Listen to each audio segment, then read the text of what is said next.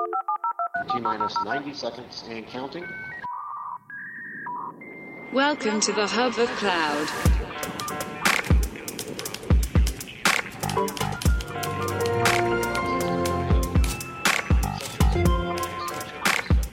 Hallå! Hej Malin. Ja, det var inte igår. Nej, det var det inte. Vi har haft ett litet uppehåll av Cloudpodden men nu äntligen är vi tillbaka. Och jag, alltså jag är så pepp på ett nytt avsnitt. Jag med.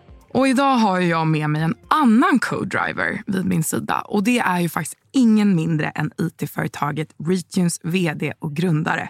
Och faktiskt också min kollega Bosse Baun. Välkommen hit. Välkommen Bosse. Nej, men tack. Kul att jag får vara med här idag. Du kan väl berätta lite kort vem du är så att vi får lite bättre koll. Jag är en skåning, bor i Stockholm, eh, jobbat många, många år i it-branschen. Eh, jag var med och grundade Reachun för eh, faktiskt tio år sedan, så det, det är några år. Och anledningen till att vi gjorde det, det var för att vi ville stötta företag i transformationen till molnet eller cloud som är så populärt nu för tiden. Och så har jag också jobbat med IANCP som är en partnerorganisation till Microsoft. Så du har funnits länge i branschen. Jag har funnits länge i branschen och sen vem jag är, men det, det kan vi hålla på hur länge som helst. Ja, vi behöver inte gå Nej, in vi på det. helt det. enkelt. Vi Vi, går vidare. Och idag så ska vi prata om Microsofts tre nya datacenter i Sverige som nu äntligen står klara. Och det är en stor satsning där man nu vill kunna erbjuda hållbara molntjänster med högre hastighet och tillförlitlighet. Så vad kommer egentligen då det här svenska molnet att betyda för svenska företag och hur säkert är det? Och är det så hållbart som det sägs vara? Det och mycket annat ska vi prata om idag. Vad säger du Bosse, är du, är du redo? Ska vi köra? Jag tycker det. Det är dags. Då kör vi. Du lyssnar på Cloudpodden. Så den 16 november så öppnade ju Microsoft de här hållbara datacentren. Och det är ju med tjänsterna Microsoft Azure och Microsoft 365. Och den här Sverigeetableringen är ju ett led i Microsofts ambition att driva på digital omvandling och ge offentliga och privata organisationer nya möjligheter till innovation. Man pratar ju väldigt, väldigt mycket om det. Vad säger du om det, Bosse? Nej, men, eh, jag tycker det är jättespeciellt och lite speciellt för mig och Richion också. För att eh, när vi startade för tio år sedan så valde vi att inte skaffa ett eget datacenter utan vi valde från början att eh, Azure var vårt datacenter som vi skulle hjälpa företag till. Och um, jag hade ju förmånen för, jag tror det var sex sju år sedan, så var jag faktiskt och fick träffa molnet som alla pratar om. Då låg molnet faktiskt på Irland och eh, då fick jag förmånen att titta in och se hur det här abstrakta egentligen var. Ett gigantisk lokal, eh, eller många lokaler. Och eh, det kändes ju jättekul och jätteinspirerande och, och verkligen få se molnet. Nu har det gått några år och det har liksom med hjälp av svenska Microsoft så, så har vi faktiskt stöttat det också. Jag känner mig lite delaktig i det svenska, för vi hade ju faktiskt en eh, ett litet upprop bland partners som skulle stötta när Joakim Damgård var vd på svenska Microsoft. För då var det ju lite slaget i Norden om vem skulle få bygga det här datacentret. Och eh, då var vi från Sverige, de svenska partnerna, pusha på ganska väl och så skrev, gjorde vi en skrivelse som man troligtvis tog i beaktan.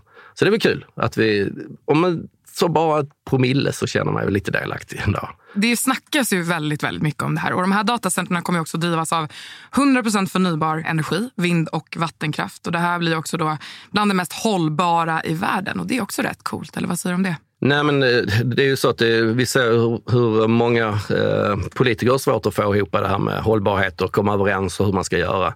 Då det, tycker jag det är jättekul att se att Microsoft tar, ändå tar ett, ett krafttag. Vi såg ju tendenser det på Irland när man byggde datacentret där. Eh, nu ser vi att det tas ännu ett steg i den riktningen, vilket jag tycker är jättekul. Och eh, ja, vad ska man säga? Man tar ansvar och det gillar vi. Har man längtat efter svenska datacenter, tror du? Många företag som har liksom ropat efter det här. Det är så mycket man längtar efter. Va? Men, eh, och datacenter finns väl på listan. Jag, jag tror att eh, svenska datacenter är intressant för många industriföretag i Sverige.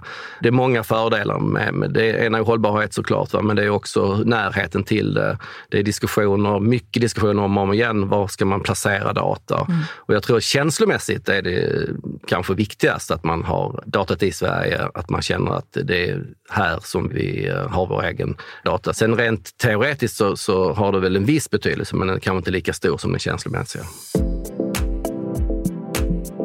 Du lyssnar på Cloudpodden. Och vi har ju med oss en gäst i studion idag också, direkt från Microsoft. Och hon ska ha bra koll på det här, så därför har ju vi bjudit hit Annika Wallenbro Storchevski. Som är affärsområdeschef för Azure. Välkommen hit till oss. Tack så jättemycket. Kul att du är här. Berätta, vem är du då? Ja, det är ett poddavsnitt i sig. Men rent yrkesmässigt så är jag ju affärsområdeschef för Azure på Microsoft. Och jag har jobbat på Microsoft i snart tio år. Tiden går otroligt fort när man har kul, brukar jag säga. För det känns verkligen inte som tio år, samtidigt som det, det känns som att jag alltid har varit där, för det är som hemma. Eh, jobbat mycket med Azure på sista tiden och fantastisk lansering av datacentret nu då. Mm. Och därför är du här. Exakt därför, därför. är jag här. Okej, så bara liksom, vi börjar med en enkel fråga. Varför har man byggt de här datacentren i Sverige och för vilka är det för? Vi bygger ju datacenter över hela världen för att svara upp mot det kapacitetskrav som verkligen kommer nu med digitalisering och rasande fort. Mm. Så man behöver ju mer kapacitet världen över. Amsterdam och Irland där vi har haft våra moln, som Bosse sa, där molnet har funnits tidigare, behöver vidgas. Och, och då tittade man på var man skulle placera ett nytt datacenter, en ny datacenterregion. Och lotten föll då på Sverige. Mycket som du sa Bosse, tack för medverkan i, den, eh, i det arbetet och få hit hit datacenter till Sverige. Så för vem vi bygger det? Såklart för alla svenska företag, alla svenska organisationer, publik sektor. Men i och med att det här är ett globalt datacenter, en del i hela Microsofts globala datacentervärld, så är det ju för hela världens företag. Så vi ser faktiskt att det är många av våra nordiska kunder som redan nu har börjat flytta in i svenska datacentret men även från om man säger globala företag behöver ju också finnas inom Europa och då är ju Sverige just nu det självklara valet. Spännande. Och man har ju valt tre orter att öppna upp i och det är mm. Gävle, Staffanstorp och Sandviken. Varför valde man just de här? Det handlar väldigt, väldigt mycket om marktillgång såklart. Det finns otroligt mycket mark där för att just expandera själva datahallarna över tid. Men också tillgång till energi. Det här är ju nav utav energi, hela gridet, hela nätverket i Sverige. Så för att hamna i en situation där vi inte påverkar elsituationen för mycket på orten så var det väldigt viktigt för oss att vi hamnade på en plats som är navet, där tillgången till el är faktiskt väldigt bra. Så därför är det här vi sätter våra datacenter. Så mark, eltillgång, och också ett otroligt stort eh, engagemang från de kommunerna som också har ställt upp med att få dit arbetskraft och, och den typen av investeringar också. Mm. Geografisk spridning är också intressant, att, att det finns. Mm. Vi har liksom norr eller Mellansverige får man väl säga. Det, det är vi skåningar som tycker att norr är långt upp. Va? Eh, men jag tror det är bra att det finns en geografisk spridning. Det kommer att hjälpa att eh, känna trygghet när det gäller data. Jag tror det är jättebra att man tänker på elförsörjningen. Det är en gigantisk fråga i, Sverige idag för många företag. Så att, eh, jag tror att det kändes rätt. Lyssnar på Cloudpodden. Öppnandet i Sverige hjälper ju också många organisationer att efterleva olika typer av regleringar, som typ GDPR. Vad, jag det som. vad finns det mer för fördelar med ett svenskt mål för våra företag där ute? Just GDPR-frågan är ju inte unikt egentligen för Sverige och svenska datacentret. Alltså det typen av regelstöd för regelefterlevnad har ju funnits i Microsoft moln generellt eh, sen egentligen GDPR kom som regelverk. Men just det som är unikt för svenska datacentret är ju att datat stannar inom Sveriges gränser. Mm. För det här är en region. Det innebär att all backup och allting finns inom Sveriges gränser. Så att datat lämnar inte Sverige. Och det är ju någonting som väldigt många företag har krav på men också känner i hjärtat att det faktiskt är viktigt som du var inne på Bosse. Med. Mm. Liksom, det är också en känslomässig... Det känns tryggare, säkrare att man har datat inom Sverige. Och i och med att datat finns inom Sverige så faller det ju liksom under svenska lagar också kring datahantering. Det är bra att veta. Mm. Och dessutom är det väl så att eh, de här regelverken som är med och styr eh, med GDPR som vi pratar om, vi kommer att prata kanske lite mer längre fram, men om Schrems och Cloud Act och så vidare. Det här ändras ju hela tiden. Va? Det är ju så att regelverket som gäller idag kanske inte gäller imorgon och så vidare. Och det tror jag att då är det bra att man har en, en region som är inom ett och samma land som kommer kunna stötta även långsiktigt. För det handlar också om hållbarhet när det gäller den förändring man gör. Så de företag som gör de här förändringarna kommer då kanske ha en längre hållbarhetstid genom att man finns i en och samma region. Sen kan man ju tycka att det liksom ur ett IT-perspektiv så bryr man sig egentligen inte om det är i, på Irland eller om det är i Sverige eller om det är i Holland eller Tyskland var det datat ligger. Men det, det är så mycket andra regelverk runt omkring. Det är egentligen mest latency som i så fall, att eh, det kan vara bra att datat ligger närmare för då har man inte lika långa svarstider etc. Men eh, i princip så tror jag inte att det har någon gigantisk betydelse, men det har det ur ett legalt perspektiv. Mm, och jag tror att det är viktigt att poängtera att just det här datacentret som vi nu har byggt i Sverige öppnat här är ju inte mer säkert än de andra datacentren som vi har runt om i världen. Vi är fortfarande en av de mest säkra datacentren som finns. Och vi är ett av de bolag som verkligen investerar otroligt mycket i just cyber security. Mm. Ehm, vi har ju miljardbelopp årligen och, här bara för ett tag sedan så kommunicerade vi att vi skulle öka det ännu, ännu mer för att vi ser ett ökat just hot mot företag och organisationer världen över. Så vi har ju otroligt mycket investeringar i säkerhet kring... ur it-perspektiv så är man ju precis lika säker med sin data oavsett vad man har det i, vilket Microsoft Cloud-region man har i. Men just ur ett lagligt perspektiv så nu erbjuder vi också inom Sveriges gränser.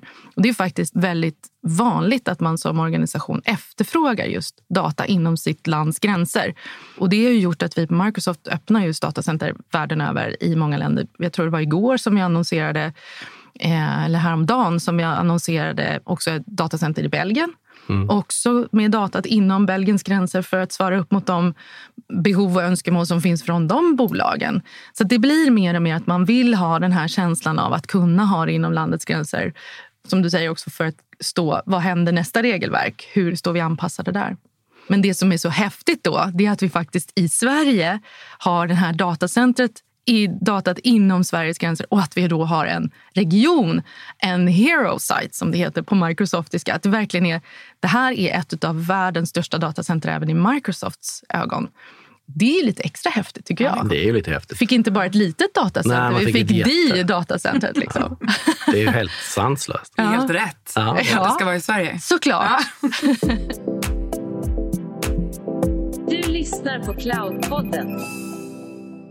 Det är alltså lika säkert med det svenska molnet som de andra molnen? Som andra Microsoft-moln? Ja. ja. Absolut. Äh. Så det, det, är inte så att det är mindre säkert att ha sin data på Irland eller Amsterdam i våra datacenterregioner där. Såklart inte. Eh, hur vi jobbar med säkerhet är på, det är på olika perspektiv. Alltid när vi bygger datacenter så har vi ju en så fysisk säkerhet kring våra datacenter med eh, liksom, den liksom personella säkerheten, hur vi kontrollerar våra, de som hanterar datacentret, inpassage och, och den typen av fysisk säkerhet. Mm. Och där är också, du Bosse sa att du hade varit i molnet på Irland. Det mm. kommer man inte få kunna göra i Sverige nämligen. Det här är ett stängt datacenter. Vi släpper inte in besökare in i vårt svenska datacenter. Och det har med säkerheten att göra. Så det är den fysiska säkerheten. Men sen har ju vi den liksom cybersecurity-delen som omhuldar våra datacenter. Den är ju samma för alla datacenter. Vi har ju vad är det, 3500 någonting it-säkerhetsexperter som dagligen sitter och verkligen monitorerar hot, eh, anpassar våra tjänster och produkter så att vi står emot de hoten. Vi har någon siffra där på hur många hot vi tar emot varje dag. Det är, alltså det är Många, många, många. Och upptäcker vi då att det börjar hända någon attack i någon del av världen så är vi snabba där att skydda som resten av världen så att det här inte får spridning. Och det sker ju oavsett vilket Microsoft datacenter du har lagt din information i. Vad säger du om det, Bosse? Nej, men jag tror, eh, det, Annika, du gör helt rätt. Va? Du jämför också Microsoft-moln med Microsoft-moln eller datacenter till datacenter. Det finns ju en annan jämförelse, det är liksom vilken säkerhet och trygghet har man i sina egna datacentra? Hur är det med mindre organisationer? Har man samma möjlighet? Eh, du nämnde att det är många, många intrångsförsök som görs i era datahallar och det, så är det såklart. Och det är miljontals och det sker liksom dygnet runt. Och hoten gentemot företag, organisationer och myndigheter den ökar ju exponentiellt. Och det har vi sett även nu under pandemiperioden så har det ju varit ännu mer intrångsförsök, eh, ännu mer ransomware som poppar upp. Och, och förutom att det är en podd i sig så är det ju en, någonting man måste förhålla sig till som företag. Det går inte att ignorera. Man måste ta säkerheten på fullt allvar. Och då tror jag att det är viktigt liksom att se vem kan göra detta bäst? Kan jag göra det bättre? Kan Microsoft göra det bättre? Vem är bättre lämpad på att försöka hålla bovar och andra utanför min mitt ägande, eh, mina ägodelar. Så att jag tror att eh, säkerheten, oavsett eh, jämföra mellan olika moln, så tror jag att bara att göra den här resan så har man ökat en viss typ av säkerhet. Sen är det ju alltid en delikat fråga, liksom, vad är säkerhet i, i det stora perspektivet? Men jag tror för generellt till 99 procent av alla organisationer och företag i Sverige så skulle man öka säkerheten genom att göra en flytt mm. och komma in där någon som monitorerar. Det är svårt att ha, du pratar om 24-7 och det är ju lätt att säga, det är jättesvårt att göra i praktiken, men då behöver man ha en väldigt stor organisation och man måste ha mycket kapital, man måste kunna eh, hantera detta. För Toten har ju ingen arbetstiden börjar inte åtta och slutar fem, utan det är dygnet runt och det är alla dagar om året och det är kanske ännu mer när det är jul och nyår och annat som är på plats. Så att, eh, jag tror att eh, ur ett säkerhetsperspektiv så är det rätt att ta de stegen. Och att man också fortsätter att eh, investera som jag vet att ni gör. För att det kommer nya hot. Alltså de hoten vi hade igår, de finns inte idag. Och de som finns idag, det kommer vara helt annorlunda imorgon. Så att, man måste kontinuerligt jobba med det. Och det vet jag att ni jobbar med och ni kan ju ganska mycket om era egna produkter tror jag. Jag tror det va? Ja, jag hoppas det i varje fall. Och, och, det är klart att då har man också kanske möjlighet att åtgärda en del om grejer som behöver åtgärdas. Vi kan ju gå direkt in i produkten och verkligen göra de ändringarna som behövs. Och där, ett annat sätt som vi också gör utöver alla investeringar och de människorna som faktiskt sitter och monitorerar är ju också AI. Så vi använder oss av AI-tjänster för att verkligen hitta de här och hitta anomalierna runt om i, i datacentren eller i folks miljöer. Så det, ja, jag tror att det är svårt som du säger att liksom matcha den typen av säkerhetsinvesteringar. Ja, det är det Och sen bara för, för att se på det, det, sen är det klart att det är fortfarande ett företag. Det är en organisation. Eh, det är ni som sitter på nyckeln på, på ur, ur de beslut ni tar, hur ni ska utveckla dem. Så att det är klart att det finns ju alltid motpoler i de här diskussionerna, men jag tror ändå att ni har funnits med ganska länge och ni har ändå ganska bra grepp om era produkter. Och eh, det används lite. Jag har hört det att Microsoft har faktiskt en ganska stor marknadsandel på företagssidan när det gäller IT. Absolut. Otroligt eh, många som litar på oss. Och jag skulle vilja säga att herregud vad vi skulle förlora på att eh, alltså som, som företag så skulle vi vara helt döda om vi tabbar oss på den här frågan. Så att säkerhet är ju jätteviktigt. Hur vi gör affärer är jätteviktigt. Hur vi stöttar regelefterlevnad är superviktigt. Det här är ju core mm. i, i vår affär. Annars så kan man inte lita på oss, kan man inte lita på molnet och då är vi borta. Så det här är därför vi bryr oss så mycket. Ja, sen när det gäller den här andra säkerheten med Schrems 2 och alla andra områden så är det kanske lite svåra frågor att hantera över tid också, och eftersom den ändras dessutom. Hur ser ni på det? Har ni någon tanke på hur Microsoft ska hantera den här frågan i ett större perspektiv? Jag ber dig inte gå på djupet här för att det är en komplex fråga otroligt komplex fråga och vi eh, jobbar väldigt, väldigt tätt med både EU och svenska myndigheter och myndigheter världen över, eller inom Europa, kring den här frågan för att verkligen slå våra kloka huvuden ihop och se hur vi ska lösa det här. För att eh, det är ju en, en perception i vissa hänseendet kring, och det är åsikter i andra hänseenden men det är också rent konkreta eh, lagar och rent konkret informationshantering som behöver förstås och hanteras. Men det här tar vi på superstort allvar och vi är jätteengagerade i att verkligen stötta Europa och stötta Sverige och komma framåt i det här.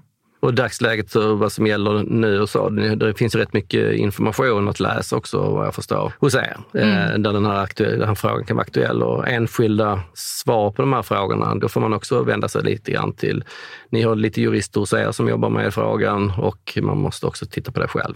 Precis. Jag tror att man måste, för alla myndigheter och alla företag så måste man verkligen titta in på sin egen verksamhet och se var man själv står. Och sen kan vi eh, vara behjälpliga i de diskussionerna. Eh, för att hjälpa till och förstå med kompetens, förståelse men också rent konkret att göra. Så det är en viktig och svår fråga. Men om vi ska digitalisera Sverige, om vi ska få alla att eh, hållas säkra och konkurrenskraftiga i framtiden så, så måste vi hjälpas åt att lösa de här knutarna. Du lyssnar på Cloudpodden jag tänker också på det här i och med att det är 100% förnybar energi som de kommer att drivas av. Det är också väldigt coolt att det blir ett av de mest hållbara i världen. Det är ju en bra fördel för företag att gå upp till molnet. Att de som tänker lite på att prioritera hållbarhet och koldioxidneutralitet, eller vad man ska säga. Så det är också en bra fördel tycker jag. Och det var ett av de kriterierna som också gjorde att lotten då föll på Sverige. För att vi i Sverige har väldigt grön energi Mm. generellt. Så det var verkligen ett supergrundläggande krav. Så 100% förnybar energi. Men vi stannar ju inte där. Vi har otroligt många datacenter runt om i Sverige som också drivs av samma gröna Sverige-el såklart. Men eh, sättet vi har byggt det på, själva hur vi har alltså infrastrukturen i våra datacenter. Allt ifrån hårdvaran till vilka, hur fläktsystemet funkar. Att vi till exempel samlar in regnvattnet för att använda regnvatten för att verkligen återfukta miljön i datahallarna. Den typen av investeringar är unikt för svenska datacentret och faktiskt även ur ett Microsoft-perspektiv unikt för att vara ett Microsoft-datacenter. Mm. Så det är vi otroligt stolta över. Man har gjort undersökningar som visar att Microsoft datacenter generellt är 93 procent mer energieffektiva än traditionella datacenter. Och då är det en global siffra. Och datacenter i Sverige generellt är ju ofta väldigt energieffektiva. Men här i Sverige har vi byggt det så att det är enormt effektivt. Så att ja, som företag som bryr sig om miljön, som kund till oss, så är, är det helt rätt att lägga sig just i Sverige. Jag tycker det är jätteintressant eh, att ni lyfter upp just hållbarheten, för jag tror att det kommer att vara en fråga som inte kommer att minska, utan tvärtom. Och jag tror också att det är ett kriterium som man kommer som företag ha med i sina val hur man ska hantera sin data framöver. Och alternativet att ligga kvar, att ha kvar det i sina egna datacentra är oftast inte det rätta. Både utifrån ett hållbarhetsperspektiv men, men såklart även säkerhet. Kommer den svenska elen att räcka till? Alltså, jag tror det så här att det är en jättekomplex fråga egentligen. För det är en fråga som handlar om svensk infrastruktur och hur den ska hanteras. Och jag tror inte att datacenterna i sig, om under förutsättning att man faktiskt flyttar data från något ställe till molnet eller till datacentret, så, så innebär det faktiskt att man minskar behovet där man flyttar ifrån. Men eh, det är inte så lätt att svara på. Det känns som att det här är en politisk fråga som ska säkra vår elförsörjning. Det är tillsammans med datacentra till eh, bilar som kör på el etc. Ja, för det känns som att många diskuterar just det här med att kommer verkligen Sveriges energi att räcka till för det här stora datacentret? Det kommer den att göra. Och när vi etablerar Svenska datacentret så har vi jobbat väldigt nära med Svenska kraftnät kring den här frågan. För det här är ju verkligen en, en het potatis i den svenska debatten.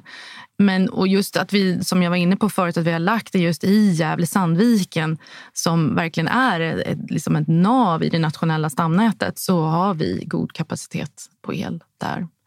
Och sen, lite som Bosse var inne på, hur drivs datacentret du har idag? Vilken elförsörjning är det där? Där har vi siffror på att eh, det är otroliga mängder som krävs för de datacentren som finns idag, de olika små datahallarna. Och som jag var inne på, 93 procent mer energieffektiv är ett Microsoft datacenter. Och det spelar roll. Mm. Så att ja, digitalisering kommer att kräva mycket el. Sverige har vi en utmaning med elnätet snarare än elförsörjningen. Och Det innebär att vi måste tänka till på att den it-infrastruktur vi använder verkligen är energieffektiv. Och det är väl det är också hela grunden med molnet om man pratar om eh, elasticitet, att eh, kunna nyttja kapacitet eh, dygnet runt etc. Det är många datacenter som är framtagna för enskilda företag och organisationer nyttjas det väldigt låg procentandel. Står ju oftast uh, långa perioder och bara driver el men inte mm. levererar någonting. Det är ju, personalen går hem på kvällen och man kommer tillbaka på morgonen. Visst, det är de som jobbar sent på kvällen, de som jobbar helger etc. Men i huvuddel så, så nyttjar man ju datacenterna, sina egna traditionella datacenter mest dagtid. Och det, det är lite annorlunda då om man tittar på er infrastruktur eller vad cloud-teknologin ger. Det är att man faktiskt kan både spinna upp och spinna ner kapaciteten, vilket innebär att man faktiskt sänker, om behovet sänks så sänks också nyttjandegraden och eh, ökar behovet så kan man öka behovet och så vidare. Och den som då jobbar mycket natt kan nyttja nattens tillgänglighet. Va? Och det kan man inte när man är en och samma organisation. Så att, eh, det är lite grann i, i grundidén kring cloud och moln. Mm. Och där har vi faktiskt eh, också ett samarbete med Vattenfall just kring den här energifrågan där vi tillsammans har utvecklat en tjänst som heter 24-7 som just monitorerar elanvändningen och vilken typ av el som används. Så att man också får insyn som kund, mitt nyttjande av det här molnet, vilken eh, energi har det använts? Så att det också ger den här medvetenheten som jag tror är otroligt viktig. Så man kan styra hur man använder kapaciteten. Men det är ju häftigt. Ja. Mm, verkligen. Där kommer tekniken verkligen in med AI och allt sånt där coolt. Men det är en annan podd. Ja, det tar vi nästa gång. Ja, Men du jobbar också med AI. ja det är är coolt. ja. Så jag kommer tillbaks. Ja. Nej, för det känns som man har diskuterat det här ganska mycket. Liksom, kommer Sver- Sverige palla det här? Mm. Eh, Men eh, det låter ju som att ni har koll på läget. Då, då. Ja, det tror jag. Och sen så skulle man också kunna säga så här, för att sticka ut hakan lite. Kommer Sverige palla att inte digitaliseras? För det är också en, en väldigt het debatt just nu med att det är faktiskt en del industrier som inte har tillgång till att få använda sig av molntjänster. Tillbaks till lagar och, och regler. Och står Sverige verkligen pall för att inte digitaliseras? Det tror jag är en, det är en ytterligare en podd. Vi bara bubblar på ämnen här.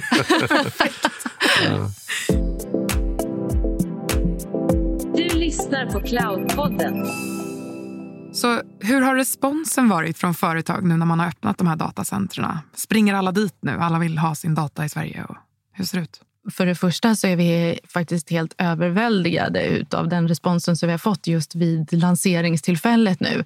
Otroligt mycket eh, bra kommentarer på LinkedIn, folk som hör av sig och bara säger att det här är ju helt fantastiskt. Så det är rent den här den sköna känslan. Sen eh, mäter ju vi såklart hur många kunder vi har i det svenska datacentret och, eh, och hur takten, eh, liksom hur det ökar överlag. Eh, och även där så har det faktiskt gått över förväntan. Sen kan inte jag gå in på siffror, men vi har eh, fördubblat eh, antal kunder i svenska datacentret bara på några dagar. För vi hade några kunder, ett, ganska många kunder, som var inne i vårt svenska datacenter redan innan själva lanseringstillfället med någonting som kallas för managed access, då, att man fick be om tillstånd för att komma in och testa. Så där hade vi väldigt många kunder redan inne och sen lanserade vi och pang sa det, så börjar folk eh, att flytta in eller företag börjar flytta in så att det är otroligt härligt. Och nu eh, är det ju också hela M365 då, som också finns i Svenska datacentret. Nu kommer ju den vågen också in att kunder kommer att kunna välja att börja flytta till Sverige. Eh, så då kommer den strömmen också. Är det svårt att gå till det svenska molnet? Liksom att flytta sin data från Europa nu till Sverige? Det där är en jättekomplex fråga. Jag vet inte hur ofta vi har pratat om det här. Om man tar så här M365, alltså hela Office-sidan. Nej, där är det inte svårt. Mer eller mindre eh, otroligt eh, enkelt uttryckt så är det en, en klick in the box. Eh, och sen börjas det flytta. Det är Microsoft som gör det arbetet. När det gäller vad man har i Azure, och vad man har, då beror det helt på vad man har för någonting. Hur ser en kunds IT-infrastruktur ut? Vad är det man använder sig av i Azure? Det är ju någonting man måste titta kund för kund. Men eh, jag menar, vi har ju väldigt många partners som hjälper våra kunder att flytta upp till molnet generellt. Och alla de partners är naturligtvis precis lika duktiga på att flytta från eh, Amsterdam, Irland till Sverige. Så att, nej, svårt är det väl inte, men det är lite komplext eftersom eh, allas miljöer ser olika ut. Så hur gör man då, liksom mer konkret, om man vill gå till det här molnet nu i Sverige? För just Azure-delen så skulle jag rekommendera att man faktiskt tar kontakt med den partner man har eh, redan idag för sin eh, IT-miljö och ta den hjälpen. Eh, vi har jobbat mycket med att utbilda våra partners i det här, i kommunikationen, hur det ska funka. Så det är den vägen jag skulle rekommendera att man går. Sen finns det olika program som vi har inom Microsoft som då både partners kan ta del av och även kunderna direkt. Då för att just få hjälpen att flytta. Och då brukar vi säga att det handlar inte bara om att du ska flytta från en, en region till en annan, alltså att komma från en region in i svenska regioner. Det handlar precis lika mycket om att du kanske har i en egen datahall idag. Alltså det som vi kallar för on-prem, att du behöver flytta det upp till molnet och då välja svenska datacentret. Sen kan det också vara så att du har valt en annan it-leverantör, en annan publik molnaktör. Och då kan vi såklart hjälpa till att flytta även därifrån. Och våra partners kan absolut hjälpa till att flytta därifrån också. Jag har ett par jättebra telefonnummer man kan Man kan tänka mig det, va? Jag tänkte faktiskt lyfta en sak till bara i kombination till det. Jag tror att det också är ett, ett jättebra tillfälle om man, om man för det är ju så att även om man lyfter sin IT till molnet så måste man ju jobba med sin miljö ändå och utveckla den vidare för att funktionalitet ändras konstant. Jag har hört några siffror på att varje kvartal så pumpas det in 500 nya funktioner i Azure. Det har varit så de senaste tio åren. Så att, eh, Eh, det är också ett tillfälle där man faktiskt kan förenkla, förbättra, förnya sin, sin miljö samtidigt som man då kanske eventuellt måste göra någon flytt, eh, inte fysiskt, men att det krävs lite mer handpåläggning. Så jag tror det är ett bra tillfälle att se över sin miljö samtidigt som man flyttar, optimerar etc. Men eh, det är ingen gigantiskt svår uppgift, men det är väl som du säger Annika, är, man måste ju veta vad man har. Man ska veta vad man ska flytta. Mm. Kommer ni kunna leverera alla Microsofts molntjänster eller finns det några begränsningar? Nej, idag, det här är ju en hero site som det kallas för. och Då innebär det att alla Microsoft-tjänster kommer att finnas i det svenska datacentret. Nu finns Azure, nu finns M365. Inom ett år så kommer Dynamics och Power Platform. Och när det gäller Azure också så finns inte riktigt alla tjänster precis idag.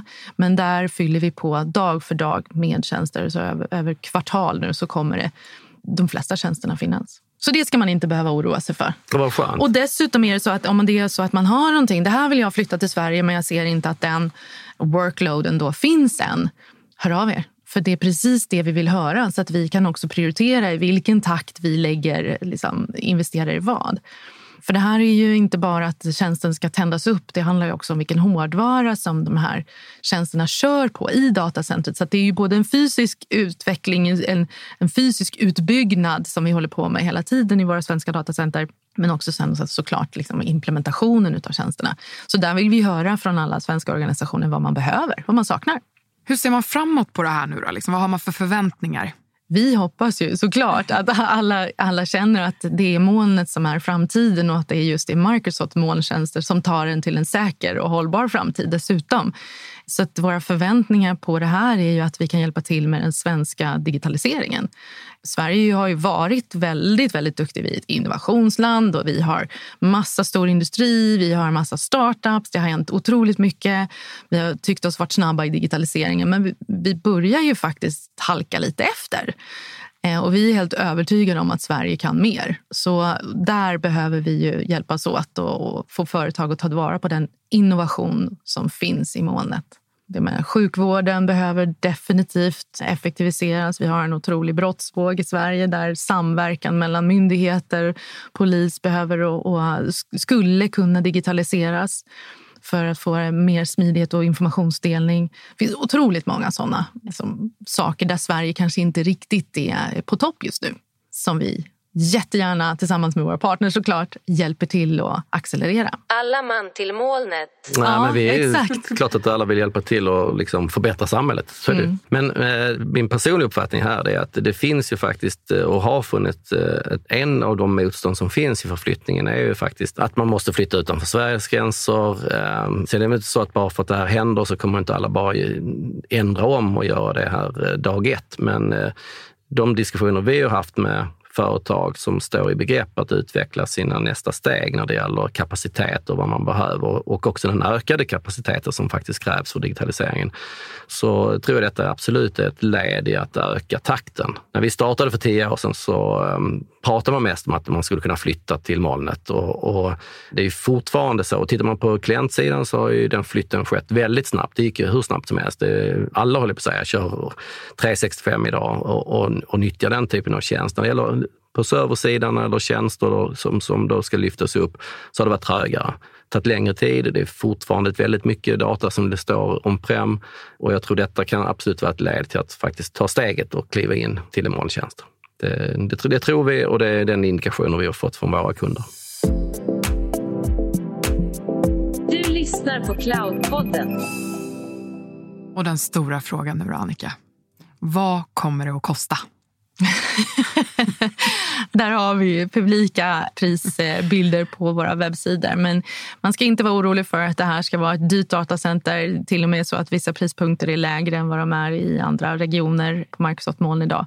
Så att, eh, det är eh, inte bara det att det är hållbart och, och, säkert data inom Sverige och en fantastisk latency. Det är faktiskt eh, till och med kan bli lite billigare. Och det är inte så illa. Nej, men det här låter, låter precis som ett Kinderägg. Ja, fast fyra grejer. Fast fyra. Ja. Vad, vad sa vi nu? Det var hållbart? Ja, latency, alltså närheten till ja. datat, uppkopplingstakten. Det är data inom Sverige och så prispunkten. Ja. ja. Och femte, får man en chokladkaka om man eh, dessutom flyttar? Ja, det kan ni säkert få. Ja, vad bra. Ja. Det tycker jag. Tack för att ni var med mig här idag. Jätteintressant att få höra mer om de svenska datacentren. Och, nej, det blir spännande att se vad som händer framöver med innovation och digitalisering i Sverige. Och Luna, jag ska inte glömma att tacka dig heller. Kul att ha dig med också. Kul att få vara här. Tills vi hörs igen allihopa. Hej då! Hej då!